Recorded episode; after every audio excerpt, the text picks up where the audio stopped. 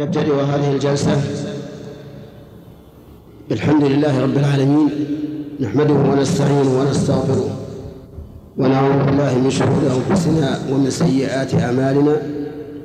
من يهده الله فلا مضل له ومن يضلل فلا هادي له وأشهد أن لا إله إلا الله وحده لا شريك له وأشهد أن محمدا عبده ورسوله أرسله الله تعالى بالهدى ودين الحق فبلغ الرسالة وأدى الأمانة ونصح الأمة وجاهد في الله حق جهاده فصلوات الله وسلامه عليه وعلى آله وأصحابه ومن تبعهم بإحسان إلى يوم الدين ورأيت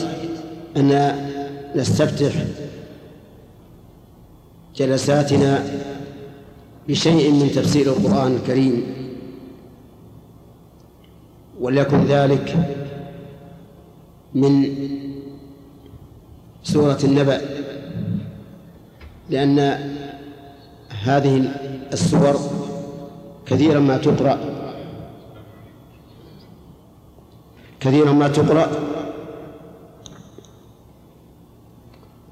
في الصلوات المغرب والعشاء فنبدأ أولا بسورة النبأ قال الله س... قال الله عز وجل عما يتساءلون عن النبأ العظيم الذي هم فيه مختلفون يعني عما يتساءل هؤلاء ثم أجاب الله عز وجل هذا السؤال فقال عن النبأ العظيم الذي هم فيه مختلفون وهذا النبأ هو ما جاء به النبي صلى الله عليه وآله وسلم من البينات والهدى ولا سيما ما جاء به من الأخبار عن اليوم الآخر والبعث والجزاء وقد اختلف الناس في هذا النبأ الذي جاء به النبي صلى الله عليه وآله وسلم فمنهم من آمن به وصدق ومنهم من كفر به وكذب فبين الله أن هؤلاء الذين كذبوا سيعلمون سيعلمون ما كذبوا به علم اليقين وذلك إذا رأوه يوم القيامة يوم يأتي تأويله يقول الذين نسوه من قبل قد جاءت رسل ربنا بالحق ولهذا قال هنا كلا سيعلمون ثم كلا سيعلمون والجملة الثانية توكيد للأولى من حيث المعنى وإن كانت ليست توكيدا باعتبار اصطلاح النحويين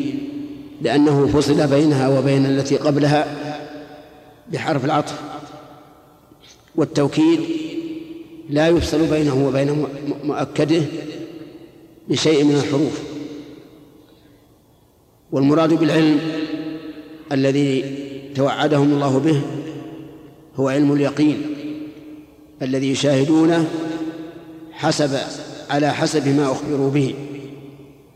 ثم بين الله تعالى نعمه على عباده ليقرر هذه النعم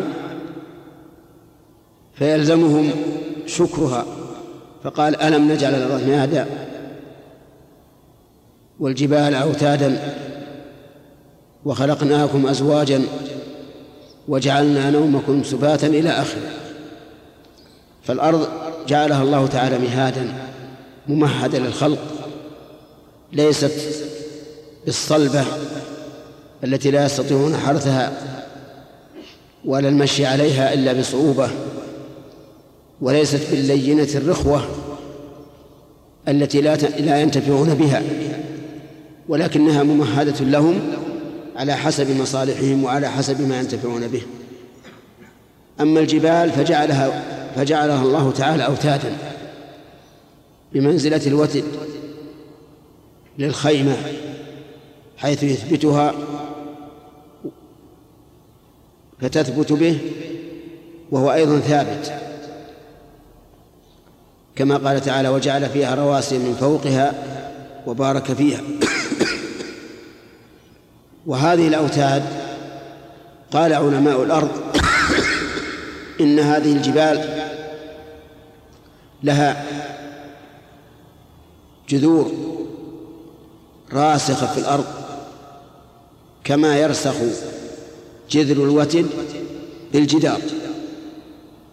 ولذلك تجدها صلبة قوية لا تزعزعها الرياح وهذا من تمام قدرته ونعمته وخلقناكم أزواجا أي أصنافا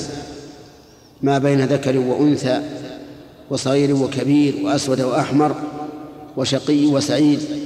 إلى غير ذلك مما يختلف الناس فيه فهم أزواج مختلفون على حسب ما أراده الله عز وجل واقتضته الحكمة ليعتبر الناس بقدرة الله تعالى وأنه قادر على أن يجعل هذا البشر الذين خلقوا من مادة واحدة ومن أب واحد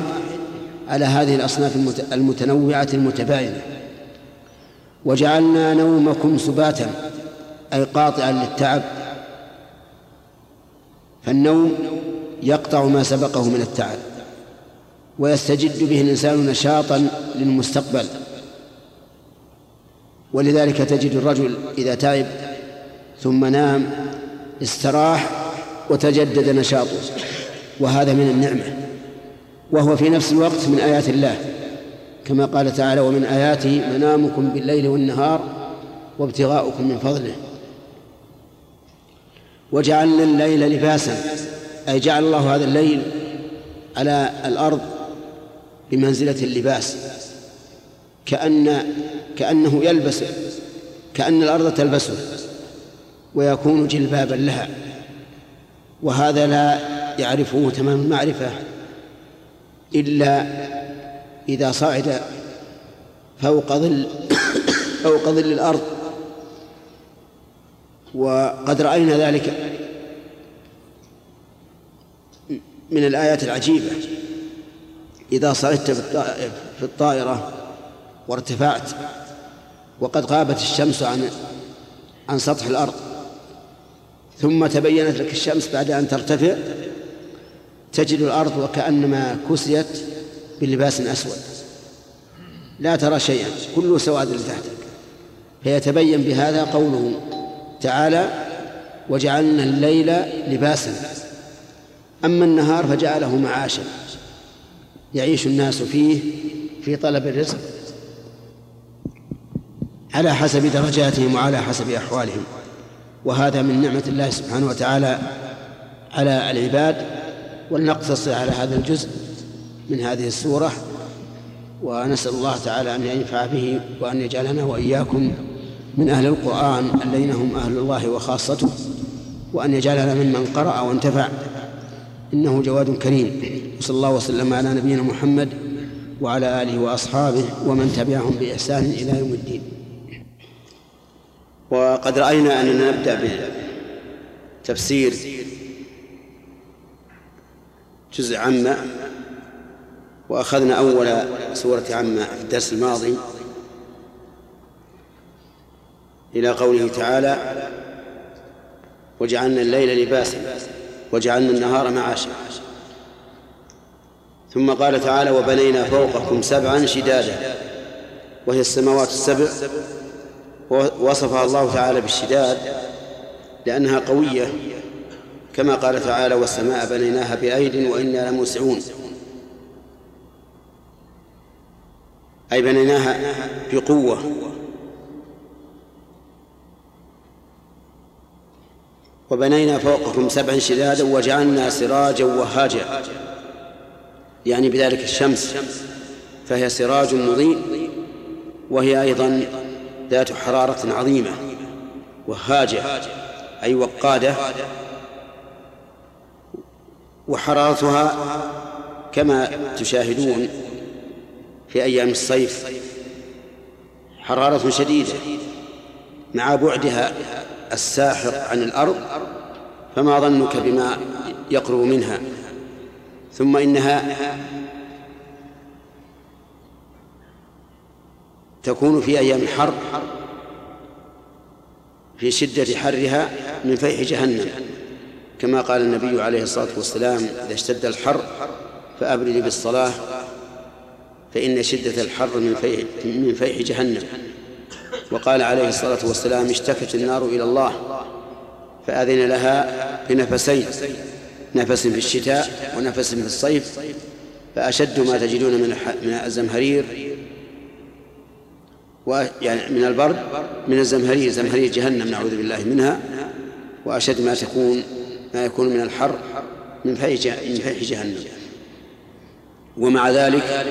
فإن فيها مصلحة عظيمة للخلق فهي توفر على الخلق أموال عظيمة في أيام النهار حيث يستغني الناس بها عن إيقاد الأنوار وكذلك الطاقة التي تستخرج منها يكون فيها فوائد كثيرة وكذلك إنضاج الثمار وغير, وغير هذا من الفوائد العديدة من هذه السراج التي جعلها الله عز وجل لعباده ولما ذكر السراج الوهاج الذي به الحرارة واليبوسة ذكر ما يقابل ذلك فقال وأنزلنا من المعصرات ماء ثجاجا والماء فيه الرطوبة وفيه البرودة وهذا الماء أيضا تنبت به الأرض وتحيا به الأرض فإذا انضاف إلى هذا ماء السماء وحرارة الشمس حصل في هذا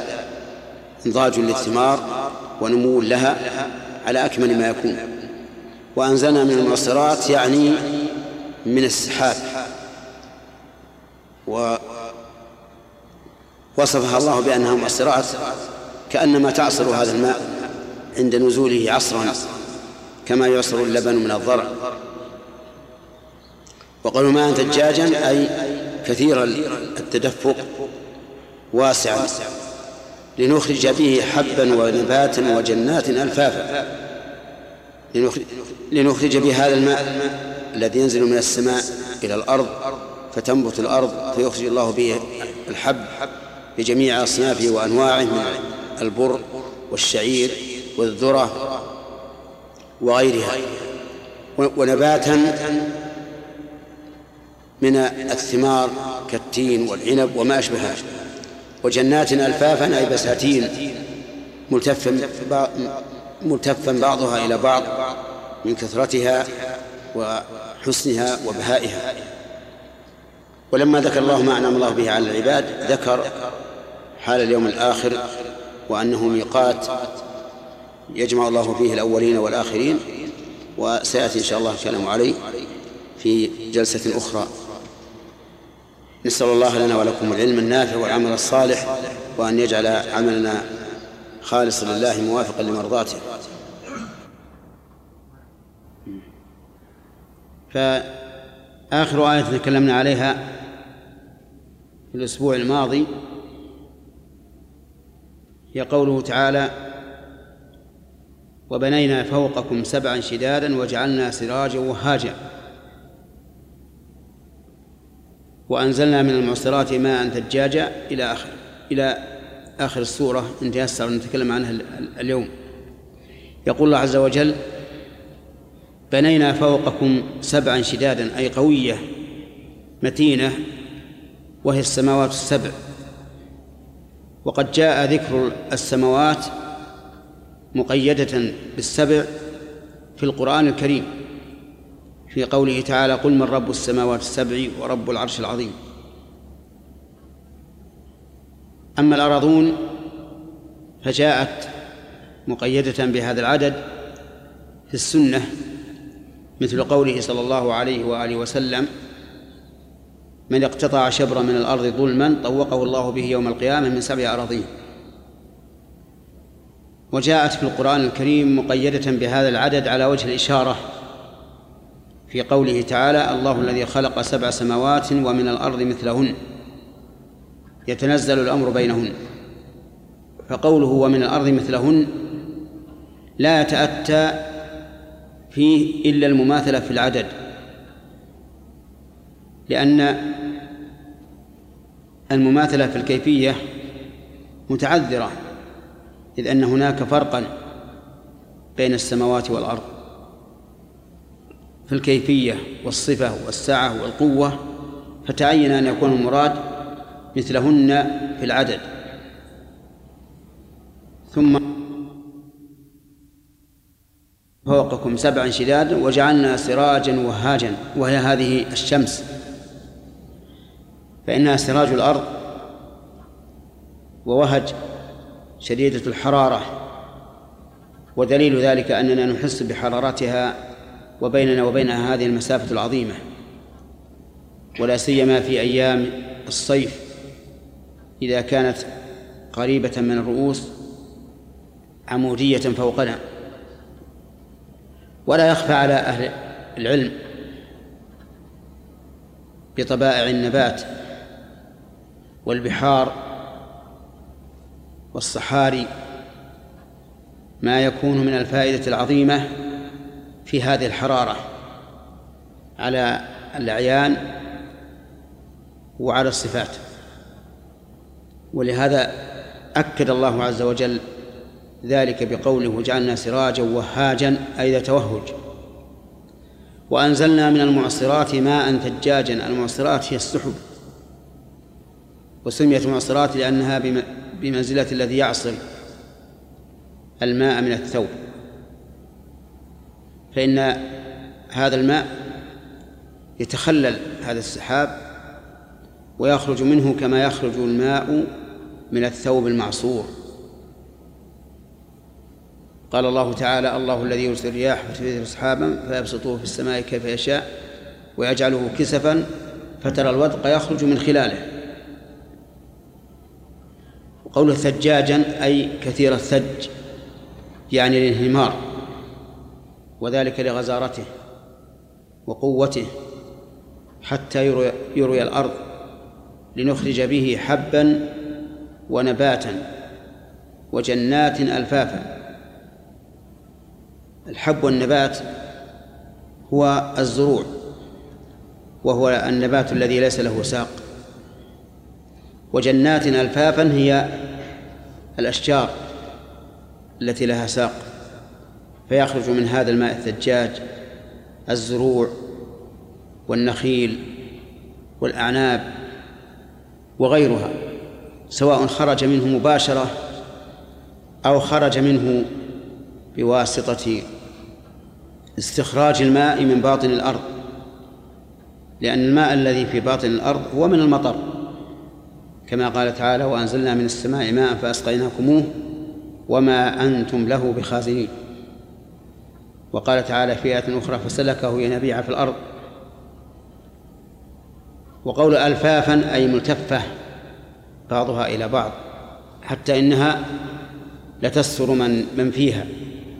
لكثرتها والتفاف بعضها إلى بعض ثم قال تعالى إن يوم الفصل كان ميقاتا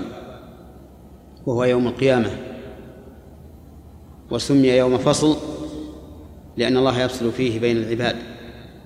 فيما شجر بينهم وفيما كانوا يختلفون فيه فيفصل بين أهل, أهل الحق وأهل الباطل وأهل الكفر وأهل الإيمان وأهل العدوان وأهل الاعتدال ويفصل فيه أيضا بين أهل الجنة والنار فريق في الجنة وفريق في السعير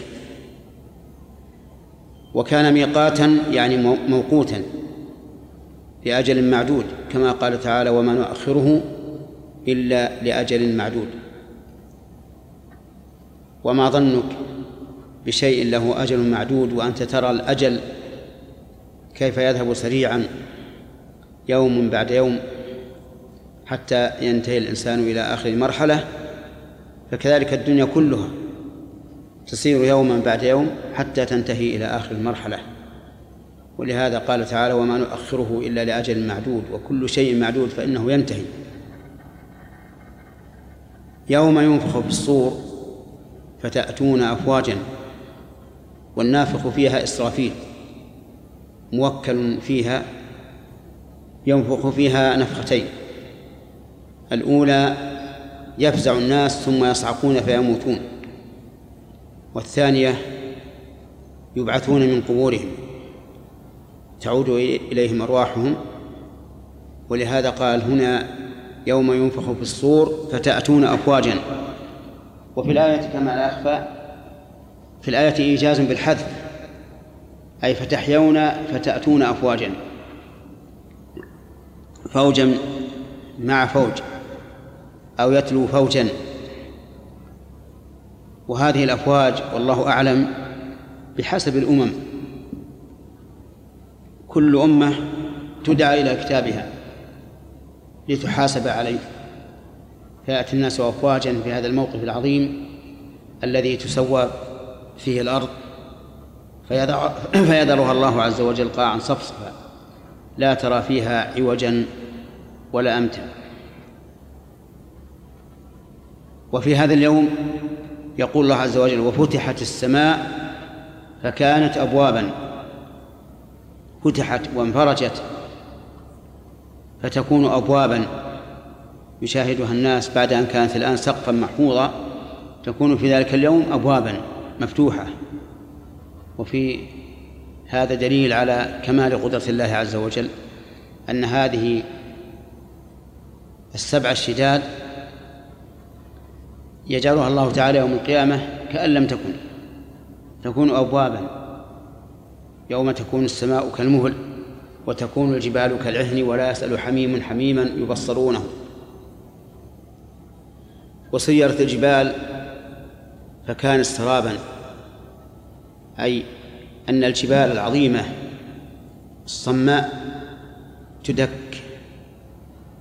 فتكون كالرمل ثم تكون كالسراب تسير وسيرت الجبال فكانت سرابا ثم قال تعالى إن جهنم كانت مرصادا وندع ذلك للأسبوع القادم إن شاء الله تعالى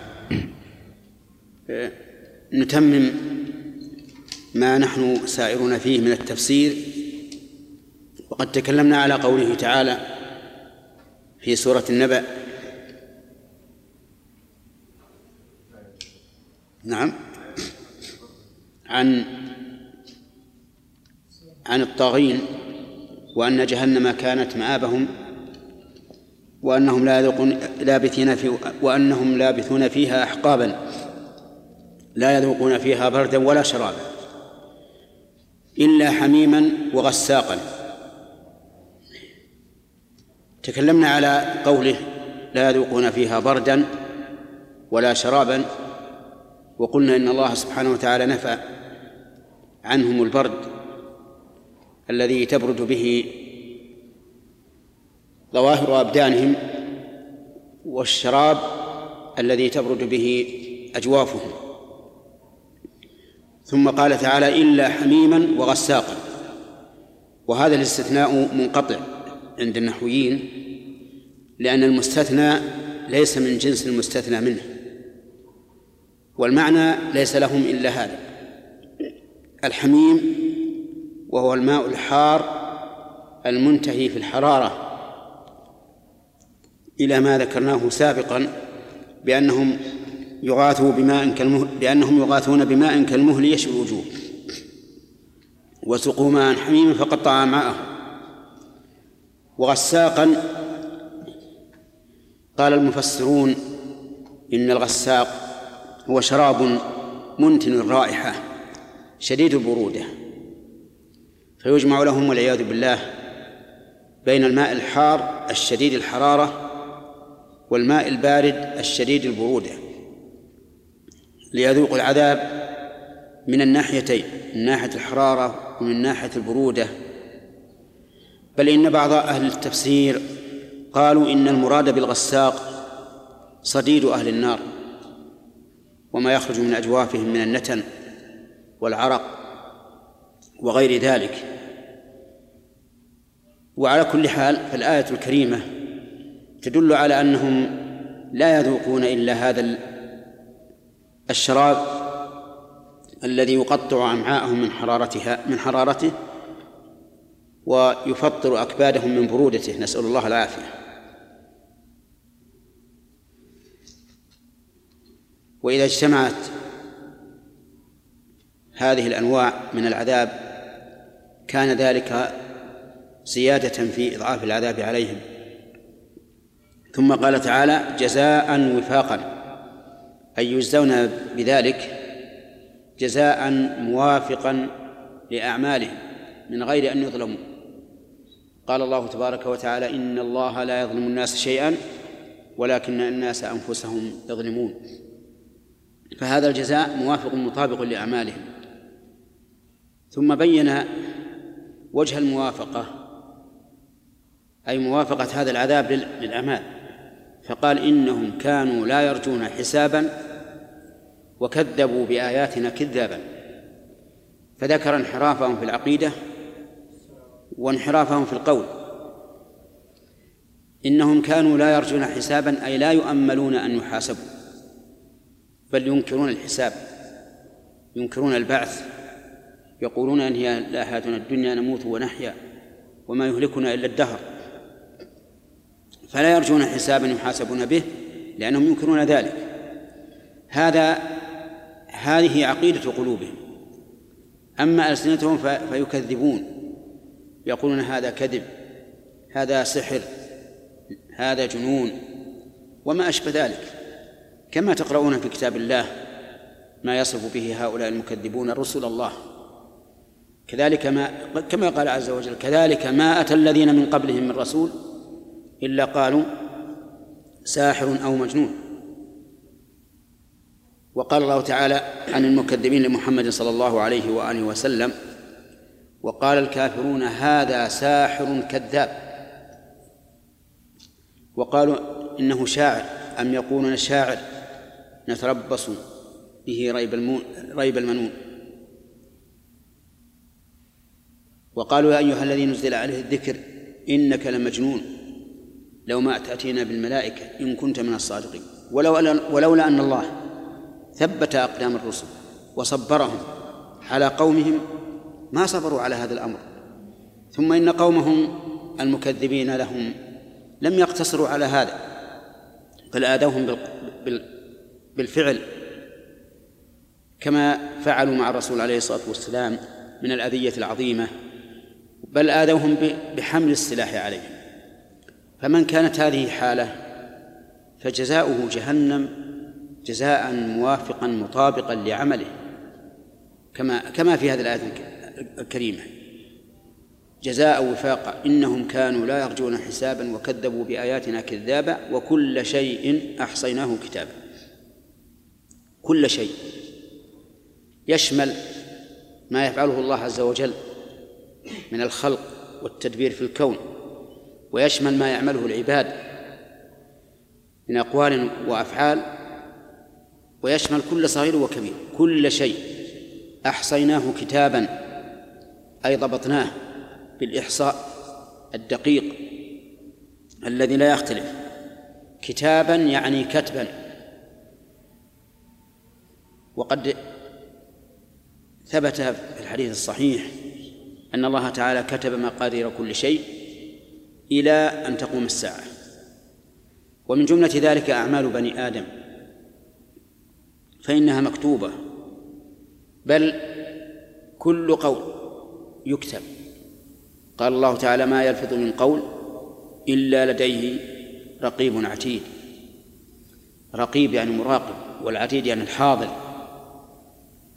ودخل رجل على الإمام أحمد رحمه الله وهو مريض يئن من مرضه فقال له يا أبا عبد الله إن طاووسا وهو أحد التابعين المشهورين يقول إن أنين المرء المريض يكتب فتوقف رحمه الله عن الأنين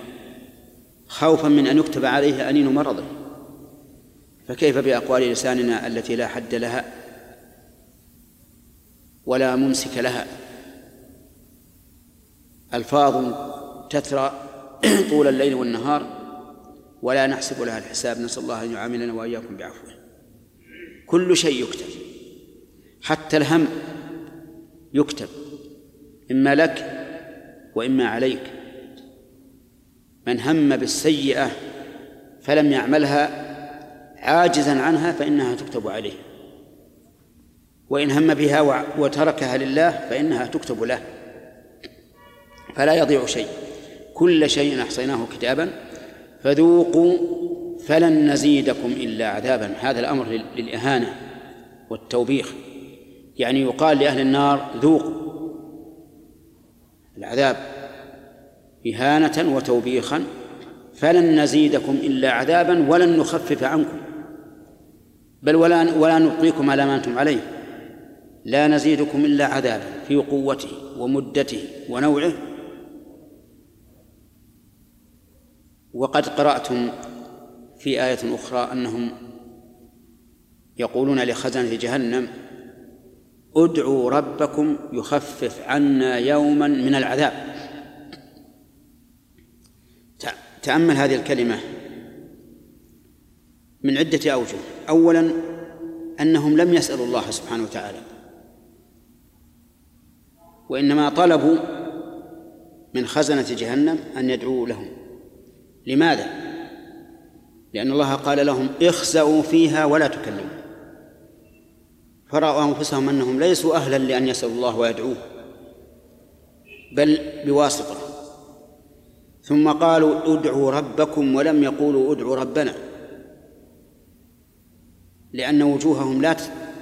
وقلوبهم لا تستطيع أن تتحدث أو أن تتكلم بإضافة ربوبية الله لهم أي بأن يقولوا ربنا عندهم من من العار والخزي ما يرون أنهم ليسوا أهلا لأن تضاف ربوبية الله إليهم بل قالوا ربكم ثم انظروا أنهم لم يقولوا يرفع عنا العذاب قالوا يخفف لأنهم آيسون أعوذ بالله آيسون من أن يرفع عنهم ثم انظروا أيضا هل قالوا يخفف عنا العذاب دائما قالوا يوما من العذاب يوما واحدا يتبين لكم إذا تصورتوا هذه هذه الحال يتبين لكم ما فيه ما هم عليه من العذاب والهوان والذل وتراهم يعرضون عليها خاشعين من الذل ينظرون من طرف خفي أعاذنا الله وإياكم منها ثم ذكر الله عز وجل ما للمتقين من النعيم لأن القرآن مثاني إذا ذكر فيه العقاب ذكر فيه الثواب وإذا ذكر الثواب ذكر العقاب وإذا ذكر أهل الخير ذكر أهل الشر وإذا ذكر الحق ذكر الباطل مثاني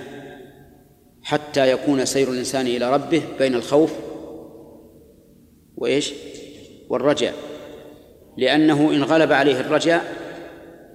وقع في الأمن من مكر الله وإن غلب عليه الخوف وقع في القنوط من رحمة الله وكلاهما من كبائر الذنوب كلاهما شر لا الأمن من مكر الله ولا القنوط من رحمة الله لذلك تجدون القرآن يأتي بهذا وبهذا ولئلا تمل النفوس من ذكر حال واحدة والإسهاب فيها دون ما يقابلها وهذا من بلاغة القرآن الكريم ونقف إلى هذا الحد ونسأل الله سبحانه وتعالى أن يجعله لقاء مباركا نافعا نستمر في تفسير سورة النبأ حيث وقفنا على قول الله تعالى إن للمتقين مفازا حدائق وأعنابا وكواعب أترابا إلى آخر ما ذكر الله عز وجل هذه الآيات جاءت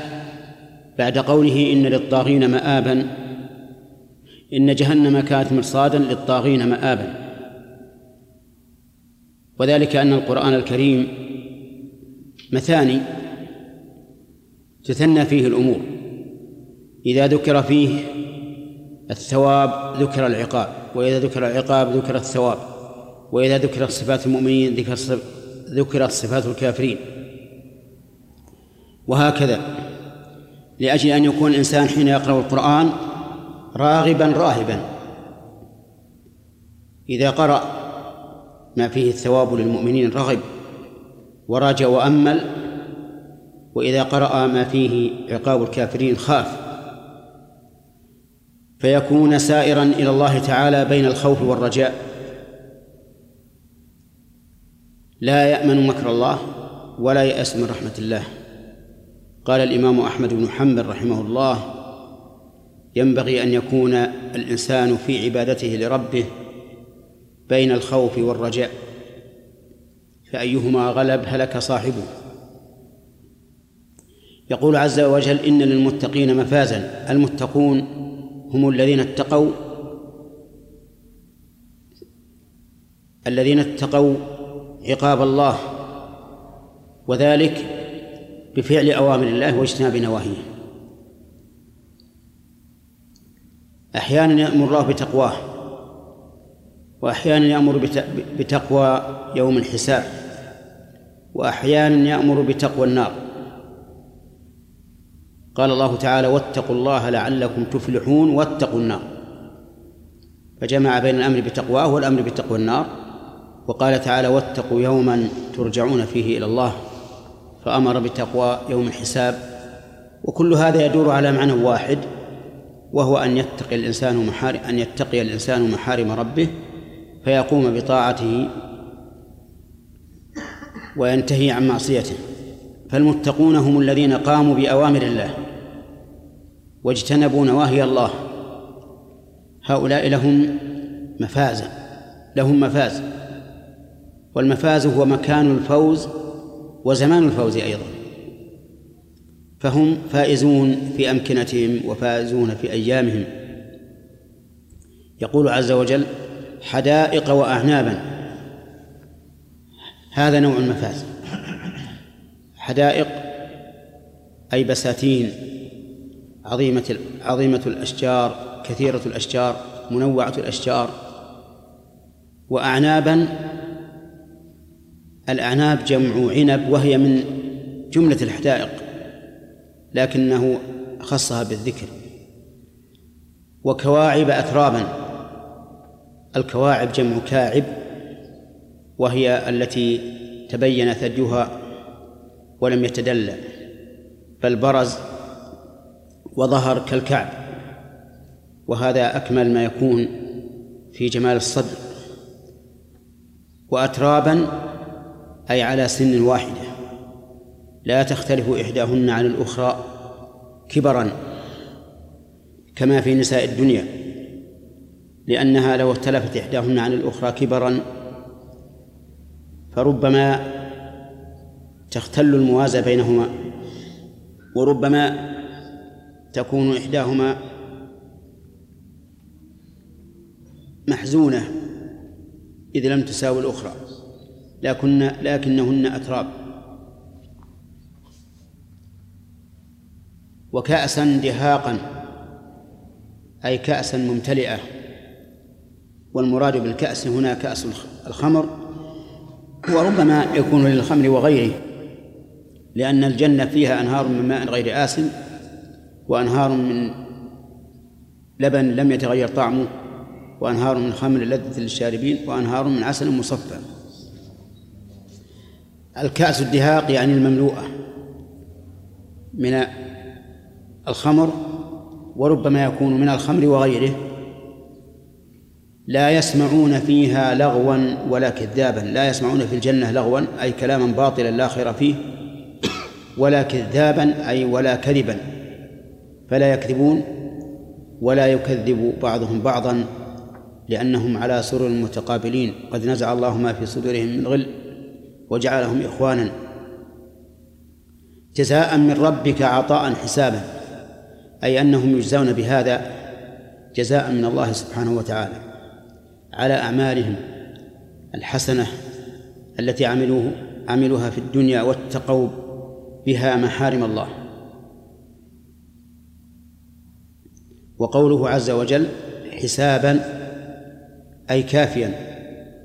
مأخوذة من من الحسب وهو الكفاية أي أن هذا الكأس كأس كاف لا يحتاجون معه إلى غيره لكمال لذته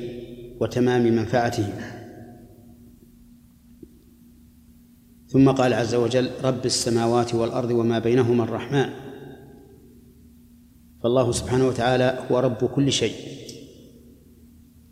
قال الله تعالى قل إنما قال الله تعالى إنما أمرت أن أعبد رب هذه البلدة البلدة الذي حرمها وله كل شيء فهو رب السماوات السبع الطباق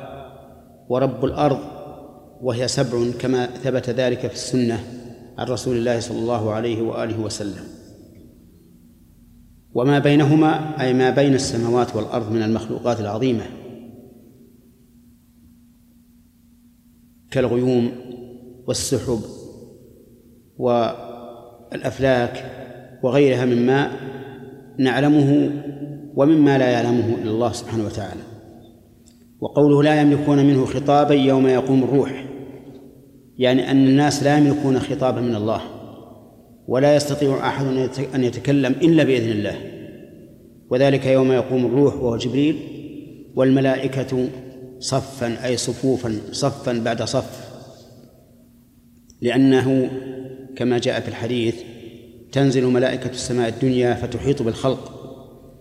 ثم ملائكة السماء الثانية من ورائهم ثم الثالثة والرابعة والخامسة وهكذا صفوفا لا يعلم عددهم إلا الذي خلقهم سبحانه وتعالى يوم يقوم الروح والملائكة صفا لا يتكلمون إلا من أذن له الرحمن وقال صوابا أي لا يتكلمون الملائكة ولا غيرهم كما قال تعالى وخشعت الأصوات للرحمن فلا تسمع إلا همسا إلا من أذن له الرحمن بالكلام فإنه يتكلم كما أذن له وقال صوابا أي قال قولا صوابا موافقا لمرضاة الله سبحانه وتعالى وذلك بالشفاعة إذا أذن الله لأحد أن يشفع شفع فيما أذن له فيه على حسب ما أذن له قال الله تعالى ذلك اليوم الحق أي ذلك الذي أخبرناكم عنه هو اليوم الحق وهو والحق ضد الباطل أي الثابت الذي يقوم فيه الحق ويقوم فيه العدل يوم لا ينفع نفس يوم لا ينفع مال ولا بنون إلا من أتى الله بقلب سليم أعانني الله وإياكم على ذلك اليوم فمن شاء اتخذ إلى ربه مآبا أي من شاء عمل عملا يؤوب به إلى الله ويرجع به إلى الله وذلك العمل الصالح الموافق لمرضاة الله تعالى وقوله لمن شاء فمن شاء اتخذ إلى ربه مآبا قيدتها آية أخرى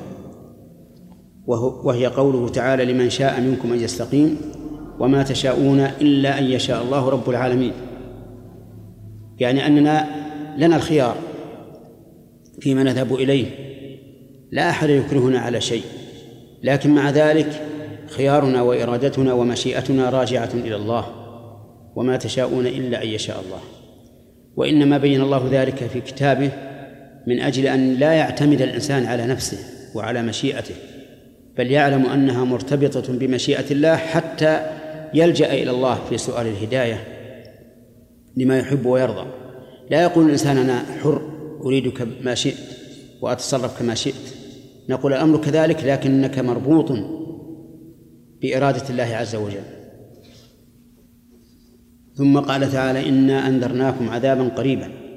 أي خوفناكم من عذاب قريب وهو يوم القيامة يوم القيامة في الحقيقة يا إخواننا قريب ولو بقت الدنيا ملايين السنين فإنه قريب كأنهم يوم يرونها لم يلبثوا إلا عشية أو ضحاها فهذا العذاب الذي أنذرنا الله قريب ليس بين الإنسان وبينه إلا أن يموت والإنسان لا يدري متى يموت قد يصبح ولا يمسي أو يمسي ولا يصبح ولهذا كان علينا أن نحزم في أعمالنا وأن نستغل الفرصة قبل فوات الأوان يوم ينظر المرء ما قدمت يداه المرء أي كل امرئ ينظر ما قدمت يداه ويكون بينه وبين ويكون بين يديه ويعطى كتابه ويقال اقرأ كتابك كفى بنفسك اليوم عليك حسيبا ويقول الكافر من شدة ما يرى من الهول وما يشاهد من العذاب يقول يا ليتني كنت ترابا أي ليتني لم أخلق أو ليتني لم أبعث أو إذا رأى البهائم التي التي يقضي الله بينها ثم يقول كوني ترابا فتكون ترابا يتمنى أن يكون مثل البهائم فقوله كنت ترابا تحتمل ثلاثة معاني المعنى الأول يا ليتني كنت ترابا فلم أخلق لأن الإنسان خلق من تراب المعنى الثاني يا ليتني كنت ترابا فلم أبعث يعني كنت ترابا في في أجواف القبور أو المعنى الثالث أنه إذا رأى البهائم التي قضى الله بينها وقال لها كوني ترابا فكانت ترابا قال ليتني كنت ترابا أي كما كانت هذه البهائم والله أعلم وإلى هنا تنتهي سورة النبأ وفيها من المواعظ والحكم وآيات وآيات الله عز وجل ما يكون موجبا للإيقان والإيماء نسأل الله أن ينفعنا وإياكم بكتابه وأن يجعله موعظة لقلوبنا وشفاء لما في صدورنا إنه جواد كريم وصلى الله وسلم على نبينا محمد وعلى آله وأصحابه ومن تبعهم بإحسان إلى يوم الدين